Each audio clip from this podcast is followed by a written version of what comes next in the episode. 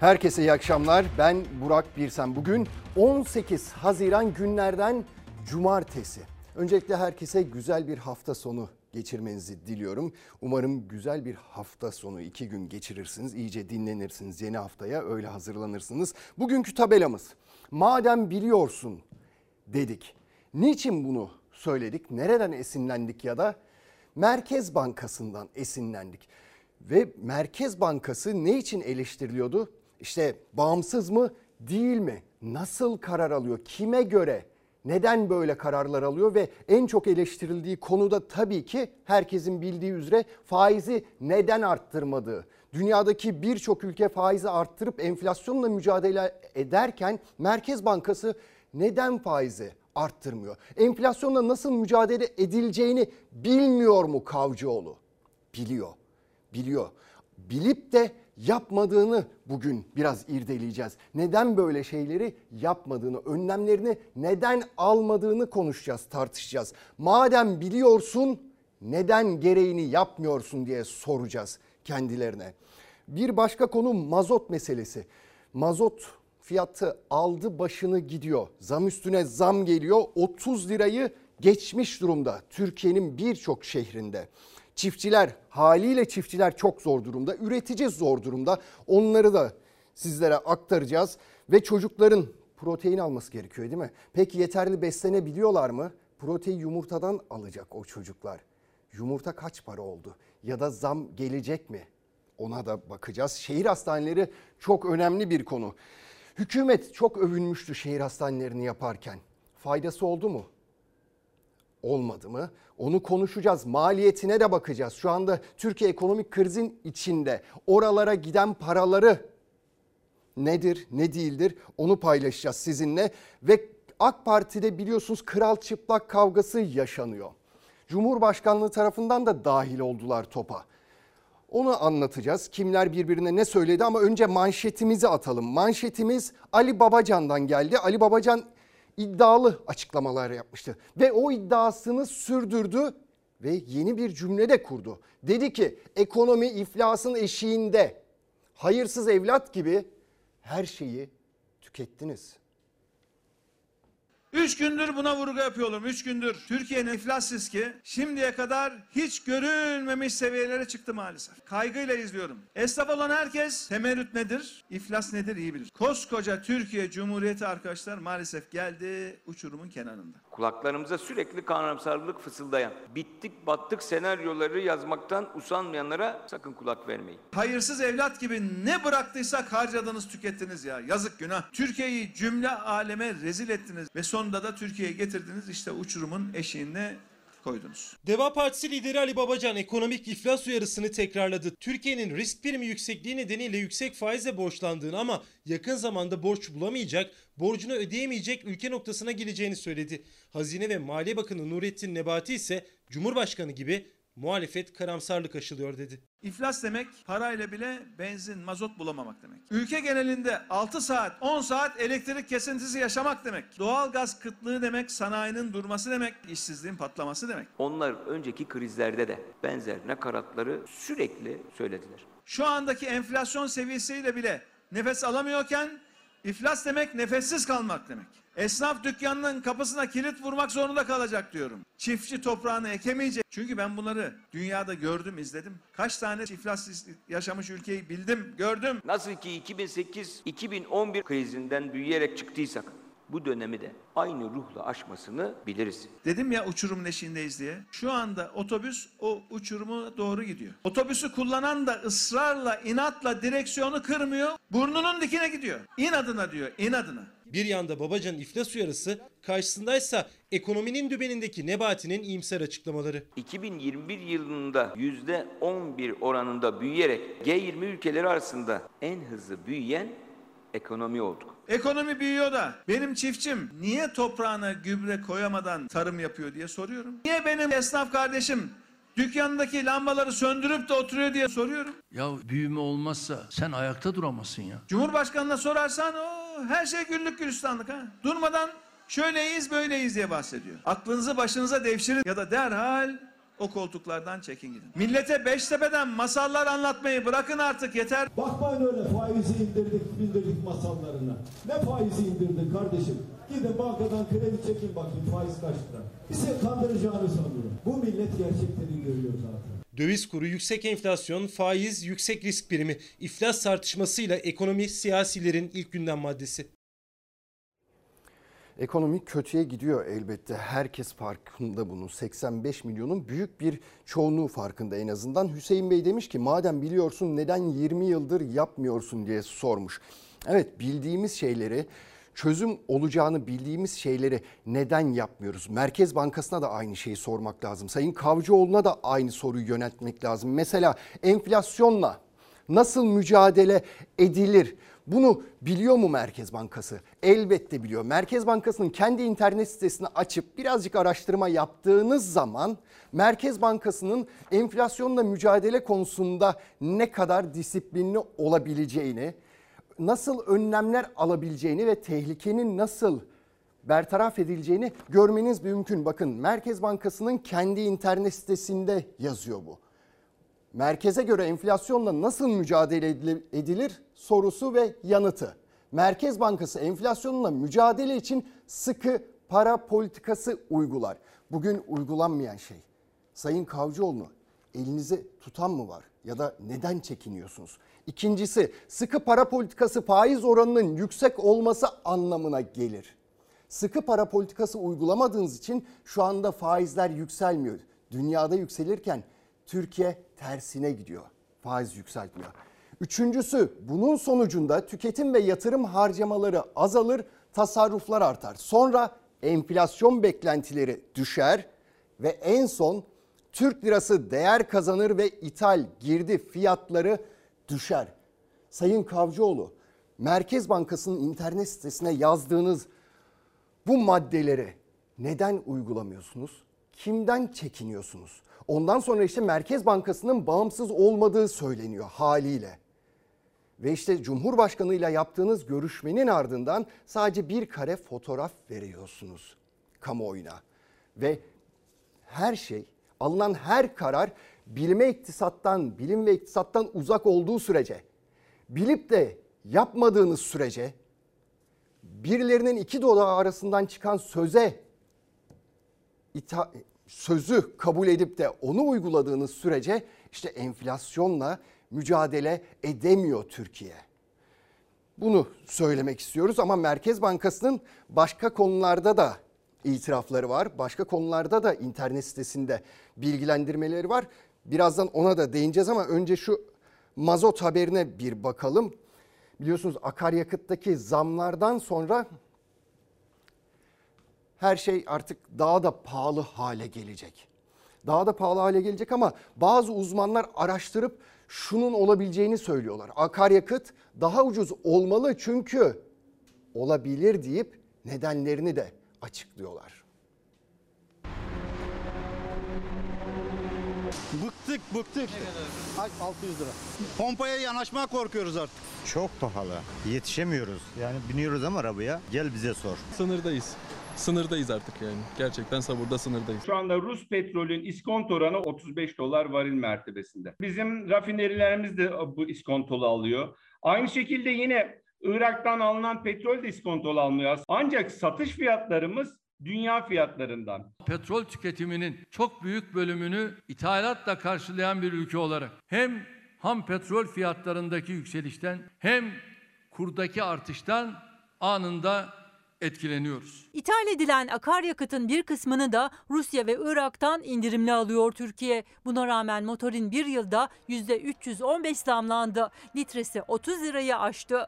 Uzmanlara göre maliyete göre değil, uluslararası piyasaya göre belirleniyor fiyat. Yani aslında akaryakıt fiyatları daha ucuz olmalı. Kimse şunu demesin. Bir yol biliyor biliniyorsa biz uygularız veya dünya piyasaları demesin. Bu aldatmaca. Bu gerçek değil. Ucuz ithalat, vergiler, bütün bunları topladığınız zaman akaryakıtta yüzde 40'a yakın bir indirim aralığı var. Ama bunu maalesef kullanmıyor hükümet.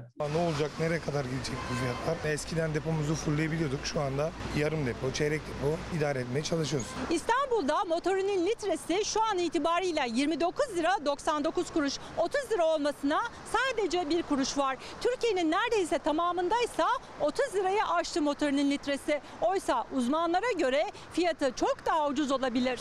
İndirimli iskontolu alıyorlar. Rafineri çıkış fiyatlarına pompaya yansıtmaları gerekiyor. Brent petrolün ortalama varil fiyatı %50'nin üzerinde artışla 120 dolar seviyesine kadar yükselmiş durumda.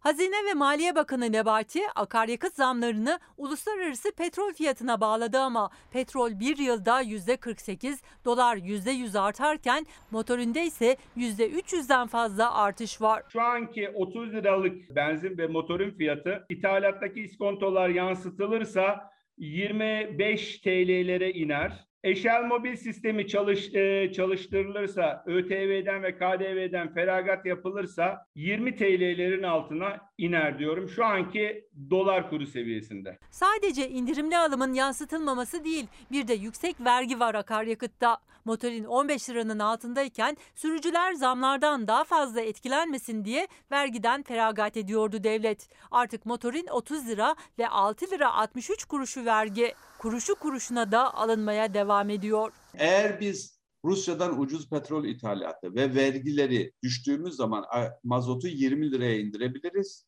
Bunun üzerine de kurla etki yaparsak 15 liraya da düşürebiliriz. Ama kur etkisi bir hiç beklemiyorum. Çünkü hükümetin kuru düşürmek gibi bir niyeti olduğunu hiç sanmıyorum. Evet bugün tabelamız madem biliyorsundu. Sorumuz da şu madem biliyorsun neden yapmıyorsun? Özellikle Merkez Bankası'na soruyorduk. Demin Merkez Bankası'nın enflasyonla nasıl mücadele edilmesi gerektiğini anlatmıştık. Onun hakkında paylaşımlarını aktarmıştım size. Şimdi de enflasyon yüksek olduğunda demiş Merkez Bankası kendi internet sitesinde. O ülkede neler yaşanır? Nasıl sıkıntılar yaşanır? Yani Merkez Bankası aslında yüksek enflasyonun ne kadar tehlikeli olduğunun farkında, ne kadar kötü bir şey olduğunun farkında. Bakın ne diyor Merkez Bankası? Paranın satın alma gücü azalır. Çok tanıdık geldi değil mi? Paramızın satın alma gücü azaldı. Aynı miktarda parayla zaman içinde daha az şey satın alabiliriz. Evet markete, çarşıya, pazara çıktığımızda biz aynısını yaşıyoruz şu an. Bir sonraki paramıza olan güven azalır. Bunu da yaşıyoruz. Yabancı yatırımcı gelmiyor Türkiye'ye ve belirsizlik oluşur. Üreticiler fiyatları belirlemekte, tüketicilerse fiyat değişimlerini takip etmekte zorlanır. Allah Allah. Çok tanıdık geldi değil mi? Aynı bizim yaşadığımız durum değil mi? Etiketler sürekli her gün her saat başında değişiyorlar ve üreticinin de kafası karışık, biz tüketicilerin de kafası karışık. Sonra gelir dağılımı bozulur. Yüksek enflasyon zengini bakın. Çok önemli. Yüksek enflasyon zengini daha zengin, fakiri daha fakir yapar diyor Merkez Bankası. Peki Sayın Kavcıoğlu madem yüksek enflasyon bu kadar tehlikeli bir şeyse neden önlem almıyorsunuz? Bilip de neden önlem almıyorsunuz ya da Sayın Cumhurbaşkanı'na bunu neden izah edemiyorsunuz? Neden bağımsızlığınızı koruyamıyorsunuz? Ama şunu da söylemişti Maliye Bakanı Sayın Nebati gözleri ışıl ışıl parlayarak. Ne demişti? Bu yeni ekonomik politikamız demişti. Dar gelirli için değil.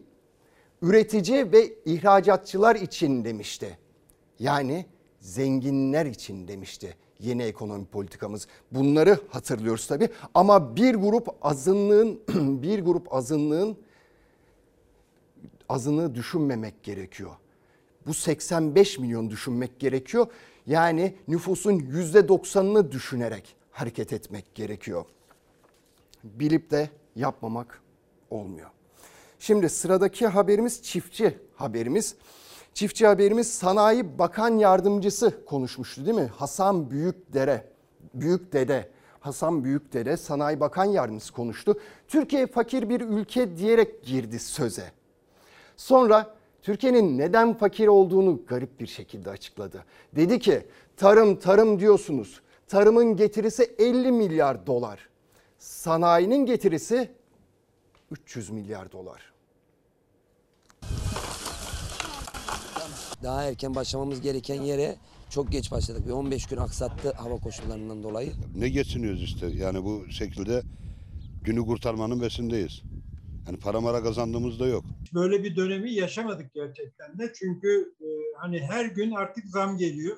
Ne üretici yetişebiliyor maliyetlere ne de ürününün tüketiciyle buluşmak üzere emanet ettiği nakliyeci. Son gelen zamlarla motorinin litresi 30 lirayı aştı. Katlanan maliyetlere Adana'da havaların serin gitmesi de eklenince şeftali, erik, kayısı gibi ürünlerden az verim alındı. Bu yazda ucuza sebze meyve yemek hayal oldu. Mart ayından belli başlayan bu soğuklarla beraber şeftali de e, erikteki azlık çok ciddi sıkıntılar yaratıyor. Maliyetlerimiz çok arttı. 100 liralık 400 lira oldu. Mazot geçen sene 6 bin liraya alıyorduk. Bu sene alıyoruz 26 lira, 28 lira. Üretici uzun süredir kar edemese de en azından maliyetini ve gelirini hesaplayabiliyordu. Ama mazot ve gübreye her gün zam gelmeye başlayınca belki de ilk defa bir ürünü ne kadara mal ettiğini bilemiyor üretici. Ortalama olarak e, mal ettiğimiz rakamları bilebiliyorduk. Şu anda mal ettiğimiz rakamları bilemiyoruz. İlacındır, gübresidir. Ne kadar yüksek olursa e, olsun almak zorundayız.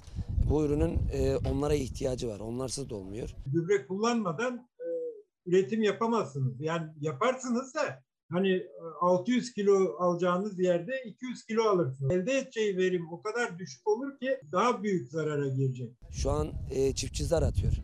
Yani e, gübrenin, mazotun, ilacın e, yüksek bedelleri alınması çiftçi ne kadar kazanacak sezon sonunda göreceğiz. Çiftçi artık bu konuda gerçekten e, yetişmekte zorlandığı gibi işte maliyet hesabı yapamıyor. Ne bugününü ne de yarınını biliyor üretici. Üstelik sebze meyvede artan fiyatlara tüketicinin yaşadığı zorluğa rağmen hala hak ettiği değeri de görmüyor. Sanayi Bakanı Yardımcısı Hasan Büyük'te de meclis komisyonunda sanayinin öneminden bahsederken öyle bir kıyas yaptı ki tarımın öneminin hala kavranamadığının itirafı oldu. Türkiye gayri safi milli hasılası 8500 dolar olan fakir bir ülke. Tarım, tarım diye bağırıyoruz, çağırıyoruz da sonunda bize getirdiği para 50 milyar dolar. Sanayinin getirdiği para şu anda 300 milyar dolar. Türkiye fakir bir ülke dedi bakan yardımcısı. Durumu tespit etti ama çözüm seçeneğini tarımdan topraktan yana kullanmadı. Üretici özverisiyle, fedakarlığıyla, tüketici ise yüksek fiyatlarla baş başa kaldı. Dişlerimizi bile yaptıramıyoruz görüyor musun? Diş kalmadı ağzımızda. Çalışıyoruz vergi, çalışıyoruz işte mazot. İlginç açıklamalar gerçekten de ama bu kafayla pek bir yere gidemeyiz. Gidemediğimizi de görüyoruz zaten. Ama Atatürk'ün sözlerini hatırlamak lazım. Bu ülkeyi yoktan var eden insanın ne demişti? Milli ekonominin temeli ziraattir demişti. Ve bir başka sözü Mart 1928'de söylemişti bunu da. Eğer milletimizin çoğunluğu çiftçi olmasaydı biz bugün dünya yüzünde bulunmayacaktık demişti çiftçiye ve toprağa verdiği önemi bu denli, bu şekilde sözlerle ifade etmişti ama biz şu an neredeyiz? Çok yazık oluyor. Şimdi çocuklarımızın besin kaynağı protein biliyorsunuz ve her şeye zam geldiği gibi yumurtaya da zam geliyor. Çocuklar yumurta da yiyemez oldu.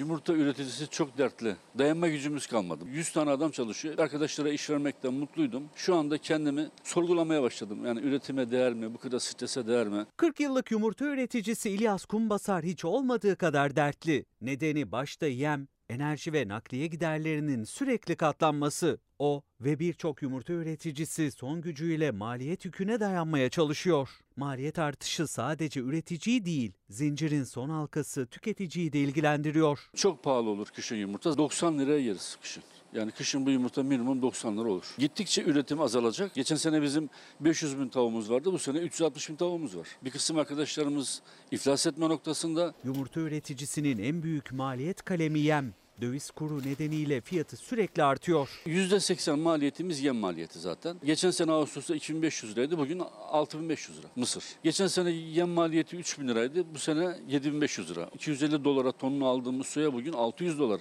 Bir yılda %315 zamlanan motorin de maliyetini katladı üreticinin. Balıkesir Bandırma'da çiftlikte üretilen yumurtalar İstanbul Bayrampaşa'daki bu depoya tırlarla geliyor ama akaryakıt maliyeti katlandıkça tırların her gelişinde o masraf katlanıyor.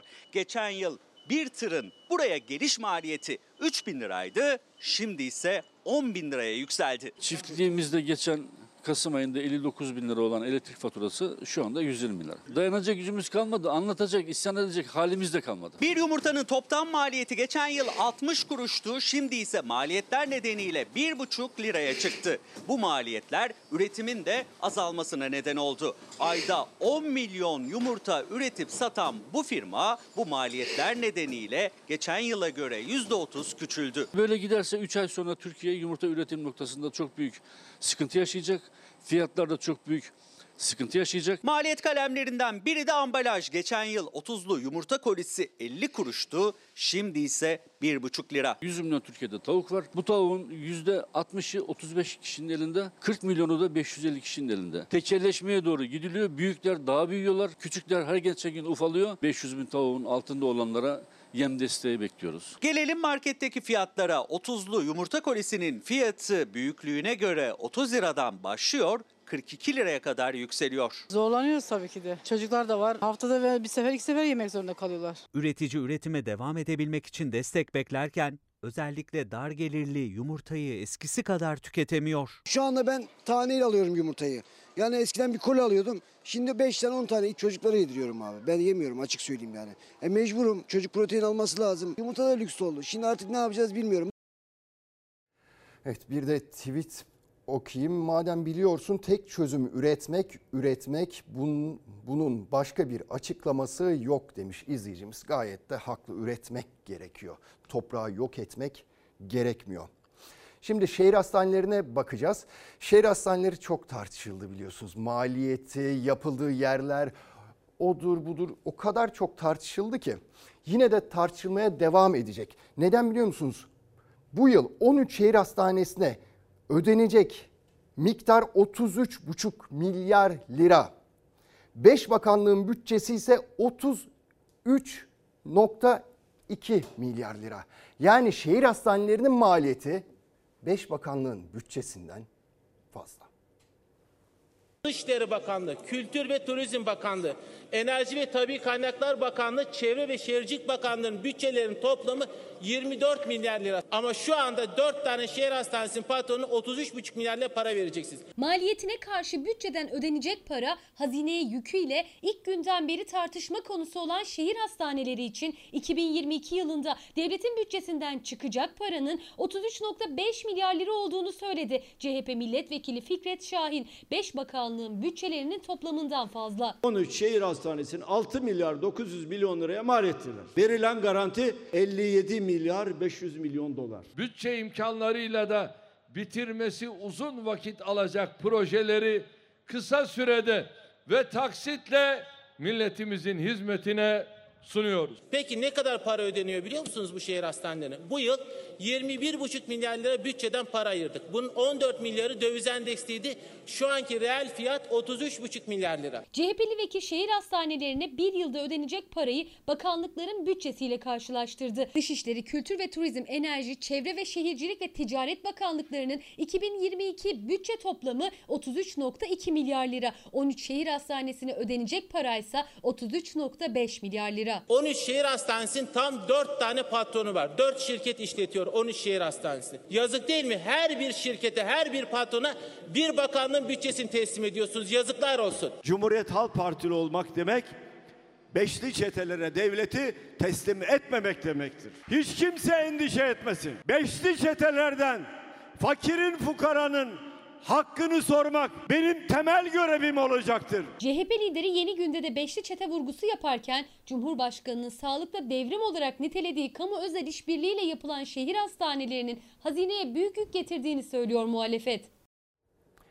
Evet yük getiriyor mu getirmiyor mu? Rakamlar ortada rakamlarla konuşmak gerekiyor ama şunu söylemek lazım. Daha önce de ben dile getirmiştim. Denenmişin denenmişi olmaz. Olmuyor. Bakın bu şehir hastaneleri örneğini İngiltere zamanında yaptı, denedi. Sonra ne oldu? İngiltere'de sağlık sistemi batma noktasına geldi, iflas etme noktasına geldi ve apar topar proje iptal edildi. Devamı gelmedi. Şimdi İngiltere'nin denediğini ve fayda görmediği şey biz neden ısrarla denemek istiyoruz? Bu kadar para harcıyoruz, bu kadar zorluk yaşanırken. Yetkililerin bunu düşünmesi lazım. Şimdi bir başka tartışma konusu siyasete girelim. Siyasette Sayın Kemal Kılıçdaroğlu yine Cumhurbaşkanı'nı hedef aldı. O beyefendiyi emekli edeceğim dedi. Değişim zamanı geldi. O beyefendiyi emekli edeceğim. Söz veriyorum. İnşallah seni bir de Cumhurbaşkanı olarak görür. Abi ben başbakan olunca kadar yaşayacak inşallah. İnşallah. Tamam mı? Birbirimize İnşallah. güç vereceğiz. Birlikte inşallah seçimde kazanacağız. Akşener başbakanlık koltuğuna aday olduğunu bir kez daha vurgularken Kılıçdaroğlu Cumhurbaşkanı Erdoğan'a seni emekli edeceğim mesajı gönderirken siyasette olduğu gibi sokağın gündeminde de seçim ve aday kim olacak sorusu var. Neden aday olmuyorsunuz? Parti kurarken zaten aday olmuşuz. Yani bir iddiamız bu. Ama şimdi şu anda da adayız. Hepimiz parti olarak zaten iktidara adayız. Ondan kaçınmıyorum. Adayım da. Ama partiler arası bir mutabakat olursa biz ona da görüşmeye hazırız. Bir masa kurmuşlar. Avara kasnak misali buradan çıkan hiçbir siyaset irade mevcut değil. Önümüzdeki ayın başında İyi Parti'nin ev sahipliğinde yapacağımız toplantıda kararlaştırılacak. Böylece biz bir sene sonra veya daha kısa bir zaman sonra seçime gittiğimiz takdirde insanımıza ne vaat ediyoruz onları da açıklamış olacağız. Saadet Partisi lideri Karamollaoğlu Temmuz başında İyi Parti'nin ev sahipliğinde yapılacak altılı masa toplantısında Altı Muhalefet Partisi'nin seçim vaatlerini açıklayacağız dedi. Altı parti 100 günlük ve 1 yıllık planlar üzerinde çalışıyor. Muhalefet olası erken seçim ya da zamanında yapılacak seçim için adımlarını güçlendiriyor. Karamollaoğlu ile Kılıçdaroğlu'nun İzmir programları da çakışınca ikili bir kafede buluştu. Tazminat davaları açıyorlar. Ya ne yaparsanız yapın, inandığım yoldan, halkın yolundan asla ve asla dönmeyeceğim. Ülkenin en çürük siyasetçisi Kılıçdaroğlu'ndan bile medet umacak hale geldiler. Küfrediyorlar. Sanıyorlar ki ben sinirleneceğim. Benim demir gibi sinirlerim var. Hiç kimse endişe etmesin. Ben sakin bir adamım ama kararlı bir insanım. İnandığım yoldan asla dönmem. Neden getirdiniz? Getirenler onlar. Dinle dinle. Şimdi biz getirmedik. Tayyip Bey eğer memleketi düzgün yönetseydi ben 6 yıl oldu ayrılalı. 6 yıl o Suriyeliler geri dönerdi. Muhalefet sahada il il, ilçe ilçe geziyor. Davutoğlu da Osmaniye'de seçmenin nabzını tuttu. Gelen sorular zaman zaman tansiyonu yükseltti. Benim ne damadım bakan oldu, ne akrabam zengin oldu, ne oğlum devlet işine karıştı. Bak işte Kadirliler bilir. Tembelme sen peşinde git onların. Tamam devam et. Milleti bu hale düşürene, şu çiftçi şu hale düşürenden devam et. Evet şimdi demin tarımla ilgili Sanayi Bakan Yardımcısının sözleri vardı. Önceliğimiz tarım değil de sanayi olsun diye. Bir izleyicimiz demiş ki Sayın Fox TV sunucusu o Sanayi Bakan Yardımcısına madem biliyorsun tarımın getirisi sanayiden az. Bu akşam yemeğinde iki çorap bir gömlek yer misiniz diye sorun demiş. Ya gerçekten bu noktaya getirecekler. Herhalde böyle düşünüyor yönetenler bizi. Şimdi Yine siyasetten bir başlık. Altılı Masa'nın temsilcileri bugün bir araya geldiler. Neden güçlendirilmiş parlamenter sistem sorusunu yanıtladılar.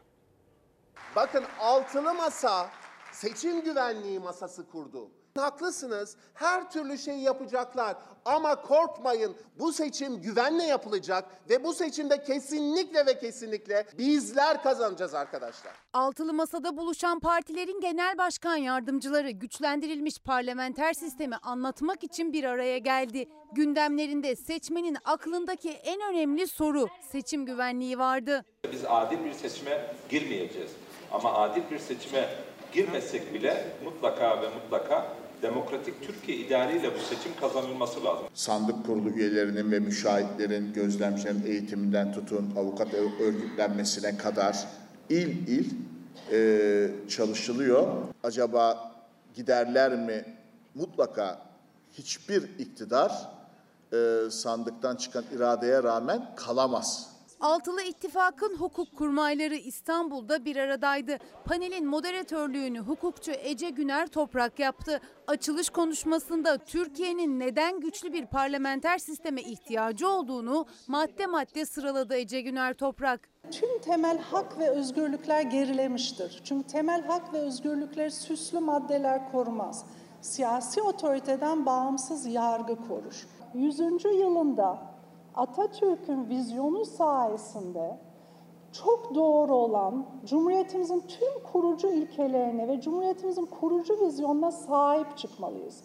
Ece Güner Toprak yüksek enflasyonun, pahalılığın ve yoksulluğun da temelinde mevcut sistemin olduğunu söyledi. Ülkemizde herkesin aklında bir konu var, ekonomi.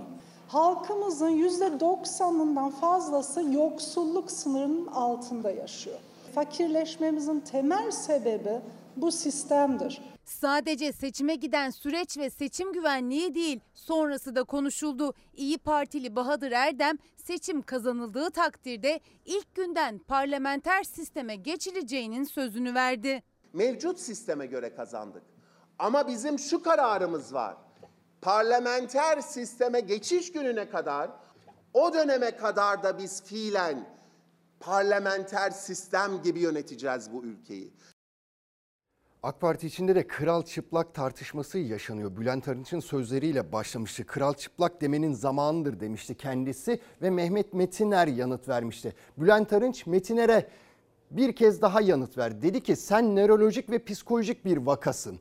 Metiner'den Arınç'a hemen yanıt geldi. Ahmak olanlarla işimiz yok dedi. Ve ilk kez Cumhurbaşkanlığı baş danışmanı bu topa girdi. Mustafa Akış. Bülent Arınç'a sesleniyor kendisi. Birkaç gün önce AK Parti'nin yaptığı toplantıyı hatırlatıp Kızılcahamam kampındaydın. Orada kral çıplak deseydin diyor. Kral çıplak demenin zamanıdır. Siyaseti de tartışmayı da tehdit ve şantaja indirgeyecek kadar FETÖ ahlakıyla konuşlandırmış bir insana cevap vermeyi bile artık zülat ediyorum. Hadep'te siyaset yaparken milli görüş yıllarına nedamet getirdin. Liberal oldun. AK Parti çatısı altında siyaset yaparken nasıl olsa duyulmaz özgüveniyle dönemin başbakanı Sayın Erdoğan'a ağza alınmayacak hakaretler ettin. Sen ne bir Kürt kadar mert ne de bir Müslüman kadar ahlaklısın. Benim veremeyeceğim hiçbir hesabım yok. Ama düşmanlık yapıyorlarsa da mertçe yapsınlar. Ahmak olanlarla işimiz yok. Bülent Arınç'ın kral çıplak sözleri sonrası AK Parti'de Arınç Metiner kavgası daha da büyürken MHP lideri Bahçeli de Metiner'e destek telefonu etti. Cumhurbaşkanlığından Arınç'a ilk tepki Erdoğan'ın baş danışmanı Mustafa Akış'tan geldi. Daha dün AK Parti'nin Kızılcahamam kampı olduğu söz konusu kişi kurucu sıfatıyla oradaydı. Arkadaş madem öyle orada kral çıplak deseydin ya artık bıkkınlık geldi. Bu kaçıncı? Mütevazılığa sarıp sarmalanmış kibir gösterisi. Bana fikrimi sordukları zaman ben hiçbir zaman sağa sola yukarı aşağı bakmadan konuşurum. Dokuz köyden de kovuluyoruz ama kral çıplak demenin zamanıdır. Bülent Arınç'ın AK Partili bazı siyasetçileri, iktidara yakın gazetecileri ve artık kral çıplak demenin zamanı sözleriyle Cumhurbaşkanı'na hedef aldığı konuşması AK Parti içinde tansiyonu yükseltti. Mehmet Metiner'in tepkisine Arınç yanıt vermişti. Metiner bir kez daha konuştu. Ben AK Parti içinde neye karşı çıktım? Kime karşı çıktım? FETÖ'cülere, FETÖ'cülerin siyasi uzantılarına. Şimdi de Erdoğansız bir Türkiye için başkalarıyla kirli ittifaklar içine girenlere. Benim aidiyetim ne kişilere ne de kişilerden vücut bulmuş kurumlaradır. Sen ki sürekli birilerinin gölgesinde sana ihsan edilenle beslenen, ondan alacağını tüketip sonrakine geçen bir zavallısın. 15 Temmuz'da hangi sığınakta olduğunu bildiğimiz 15 Temmuz'daki FETÖ darbesi başarılı olsaydı belki de bu ülkede başbakan olacak olan insanların bize çemkirmelerine de izin vermeyiz. Mehmet Metiner, Bülent Arınç'a yine FETÖ suçlaması yöneltti. Bir daha muhatap almayacağım derken de sertti. Kendisine ahmak diyen bir insanı bundan sonra hiçbir şekilde muhatap almayacağımı da buradan duyuruyorum. Ahmak olanlarla işimiz yok. Bir tarafta polis, bir tarafta milletvekili ve polis dokunulmazlık tanımadı. Kızılay'ın göbeğinde ırkçılık yapıyorsunuz. Irkçılık yapamazsınız. Böyle bir mısın? sen değil Parmağını siz. sallamayacaksın. Siz sana o seni sizi He. zamana gelince Ne yapacaksın? hukukun gereği neyse hukukun o zaman gereği. sizin gibi Öyle mi? tipler hukuka uymayan tiplere Senin gibi tiplere hepsine hakkını bildireceğiz. belli zaten ne Tabii. Terbiye bozuntusu. Sensin ahlaksızlık. terbiye bozuntusu. Ahlak istersin lan. Adam gibi Görebilir miyim? Kartlarınızı bir göreyim arkadaşlar. Deva Partisi İstanbul Milletvekili Mustafa Yeneroğlu'na karşı polisin tavrı. Haddinizi bileceksiniz. Haddini sen Milletvekiline karşı bileceksin. saygısızlık yapmayacaksınız. haddini sen bileceksin. O Terbiyesizlik parmağını yapmayacaksınız. sallamayacaksın. Ağızlara bak milletvekili. Gidin Esentepe'de açın, Keçiören'de açın, Uyanış'ta açın. Burada Kızılay'da duyumlar geliyor bize. İstenmiyor. Sadece siz değil.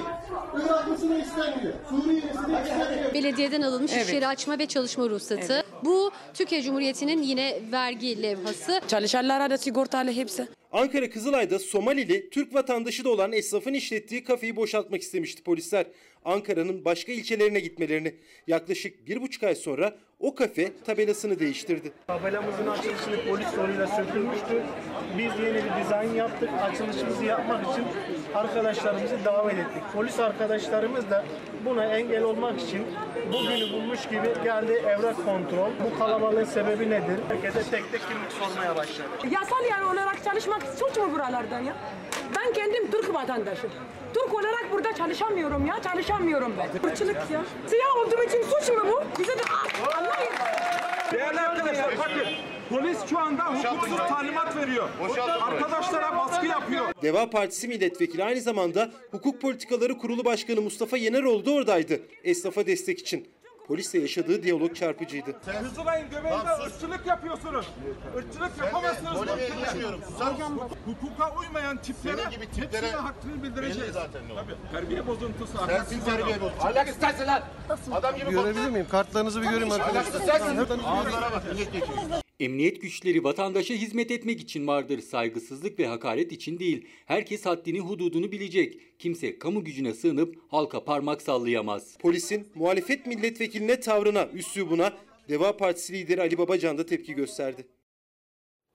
Tabii bunlar Ankara'da olunca sorun oluyor ama Antep'te olunca, İstanbul'da olunca, Hatay'da olunca nedense sorun olmuyor. İlginç değil mi? Şimdi bugün üniversite sınavı da vardı ona da bir bakalım. Ve barajsız ilk sınavdı. Koş koş koş koş koş. Koş bir dakika koş. Nasıl geçti? Stresli geçti. En zor olan matematik, matematik kesinlikle. Ben daha çok heyecanlandım. Bu rahatlama e, gözyaşı. Yani e, strese girdik tabii. Yarın daha önemli. Öğrenciler de veliler de heyecanlıydı. Yükseköğretim Kurumları sınavının ilk oturumu temel yeterlilik testi tamamlandı. Hem barajın kalktığı hem de sürenin uzatıldığı üniversite sınavında matematik yine öğrencileri en çok zorlayan ders oldu. Matematik bayağı zordu. Türkçe güzeldi, süre yetti, süratler bence fazlaydı da. 2 saat 45 dakikalık sınav sona erdi. Öğrenciler artık sınav salonlarını terk ediyor. Veliler ise kapıda heyecanla bekleyişlerini sürdürüyorlar. Merakla öğrencilerinin kapıdan çıkacağı anı bekliyorlar. Acaba gülerek mi ya da e, üzülerek mi e, gelecek onu bekliyorum yani sabırsızlıkla. Saat 10.15'te başlayan sınav 13'te sona erdi. Başlangıç saatine 15 dakika kala sınav merkezlerine giriş sona erdi. Yine geç kalanlar oldu. Otobüste trafikte ilerleyemiyor. Koş koş koş koş koş. Sınav onda kapanıyor kapı Ya Sınav olmamış. Ya geçemez miyim? Lütfen izin verin. Hatta açıklamaları okursanız orada saati her şeyi yazıyor. Yetiştim Abim yani sınava da geldi. Saat 10'dan sonra sınav salonuna gelen adayların tüm çabaları yanıtsız kaldı. Ne gerekçeyle olursa olsun salonlara alınmadılar. Antalya'da da sınav salonu belirsizliği yaşandı. Buraya bir dakika kala geldim kapı açılmıyor ya. Bir tane yönlendirme levhası yok. Gidin bakın bakalım bir. İlahiyat Fakültesi ile alakalı bir tane tabela görecek misiniz? Sınava ambulansla gelen de vardı. İlerleyen yaşına rağmen hayallerinin peşinden koşan da. 53 yaşındaki Kadir Yalçın doktor olabilmek için girdi sınava. Vallahi doktorluk okuyacağım. Yaş 53. Yaşım 73. Geçen sene lise mezun oldum. Ekonomisi okuyabilirim. Çocuk gelişimini okuyabilirim. 73 yaşındaki Nevin Unutmazbaş liseden yeni mezun olup YKS heyecanını yaşadı. Baraj kaldırıldı. İlk kez 3 milyonun üzerinde aday ter döktü. Liseden yeni mezun olan öğrencilerin hayali ise üniversiteyi yurt dışında okuyabilmek. Ben yurt dışı istediğim için şu anda baraj çok etkilemiyor aslında beni. Avusturya, Viyana'da düşünüyoruz. Bilgisayar mühendisliği. Sınav iyi gelirse iyi üniversitelere gidebilirim yurt dışında. Bilim insanı olmak istediğim için yurt dışında avantaj daha fazla, daha iyi Türkiye'ye göre. Temel yeterlilik testinin ardından pazar günü de alan yeterlilik testine katılacak adaylar. Üçüncü oturum olan yabancı dil testi de yine pazar günü. Sonrasında öğrenciler için tercih süreci başlayacak. Sınav iyiydi, emeğimin karşılığını almayı bekliyorum. Öğrenciler dün karne aldılar ve özellikle çocuklar biliyorsunuz küçük olanlar hediye bekliyorlardı. Peki aileleri bu zor ekonomik şartlarda alabildiler mi dersiniz? İşte hayaller başka, gerçekler başkaydı. Hediyeyi aldık şimdi. Telefon istedi. Çok büyük maliyet yani. Eski bir- aldık ikinci. el. Şartlar artık eskisi gibi değil. Elbise aldık. Kendimiz çapımızda aldık ya öyle çok da yüksek fiyatlı değil. Öğrenciler karne aldı, tatil başladı. Karne hediyesi olarak tablet, bilgisayar isteyen de vardı bisiklette. Ancak ailelerin bütçesi kısıtlı. Karne hediyesi henüz yok. Sizin istediğiniz bir şey var mıydı peki? Yani bisiklet, işte e, forma filan öyle şeyler. Geçen yıla nazaran %100 artış var. Örneğin 900 liraya sattığımız bisiklet bugün 1800 lira olmuş. Karne hediyesi deyince akla ilk gelen hediyelerden biri de bisiklet. Bisikletlerin fiyatı ise 1500 liradan başlıyor, 4500 liraya kadar çıkıyor. Örneğin bu bisiklet. Bu yılki fiyatı 1500 lira, geçen yılki fiyatı ise 900 liraydı. Geçsin istemiyoruz tabii ki hediyesiz ama bütçemizde neye el verirse anca onu alabileceğiz. Daha bir hediye almadım. İnşallah alırım, bekliyorum. Bir yeni bir telefon alınsa mesela ne güzel olur. Elindeki telefonu ve tableti ihtiyacını karşılıyor şu an için. Alım gücü eskisi gibi değil insanların. Fiyatlar yüksek. Öğrenciler karne hediyesi bekliyor ancak istedikleri ürünlerin neredeyse tamamı geçen yıla göre zamlı. Özellikle de tablet, telefon kur farkıyla iki katına çıktı. Geçen sene de çok yoktu ama en azından bu kadar almayan yoktu yani. Günde mesela 3-4 tane satardık. Çünkü karne hediyesi olsun telefon bile alırlardı. Şu an alamıyorlar. Çünkü eskiden bir tablet 1000 liraya 1500 liraya alabilirlerdi. Şu an iş görecek bir tablet 3000-4000 bandında başlıyor. En uygun telefonlarımızın fiyatları şu an 3500-4000 bandında başlıyor. 25 bin liraya kadar çıkıyor. Döviz artıyor, telefon fiyatları artıyor. Çocukların en çok istediği karne hediyelerinden biri de tabletler. Ancak yüksek fiyatlarından ve yüksek döviz kurundan dolayı artık almak daha da güçleşti. Örneğin bu tablet geçen yıl fiyatı 2500 liraydı. Bu yılki fiyatı 3500 liraya çıktı. Tablet, bilgisayar, skuter falan öyle bisiklet şeyler istiyorum. Ama ne zaman alacağımızı bilmiyorum. Yani bekliyorum ondan. Tablet almaya kalksanız 1500-2000 lira 2500 civarı fiyatlar yani. Bir maaş yetmi biriktireceksiniz ondan sonra iki maaştan sonra alabilirsiniz. İmkanları zorlayacağız. O kadar çok şey istiyorlar ki ama alabilen aileler var, alamayanlar var. Bunları hiç düşünen yok maalesef. Bu çocuklara yazık görüyorlar, istiyorlar, alamıyorlar, yiyemiyorlar, içemiyorlar. Anne babaların önceliği kısıtlı bütçeyle de olsa çocukları sevindirmek. İstediği bir tane oyuncak tarzı var. Tabii baktığınızda fiyatlar yüksek. Onları da kırmadan ekonomik koşullar doğrultusunda bir şey ayarlanmaya çalışacak yani. Maksat onların gönülleri olsun. Herkes ister en iyisini almak ama şu an ancak karnımızı doyurmakla zorlanıyoruz zaten. Hediye nerede? Yoksa gönül ister fazlasını almayı. Kim istemez? Evet ancak karınlar doyuruluyor ama tatil planları da yapıyorsanız tatil fiyatları da uçmuş durumda. Ha derseniz ki tatil boyunca ekmek peynir yerim ben geçiştirir giderim derseniz işte o zaman da 7 gün tatil eşittir 2 asgari ücret demek oluyor.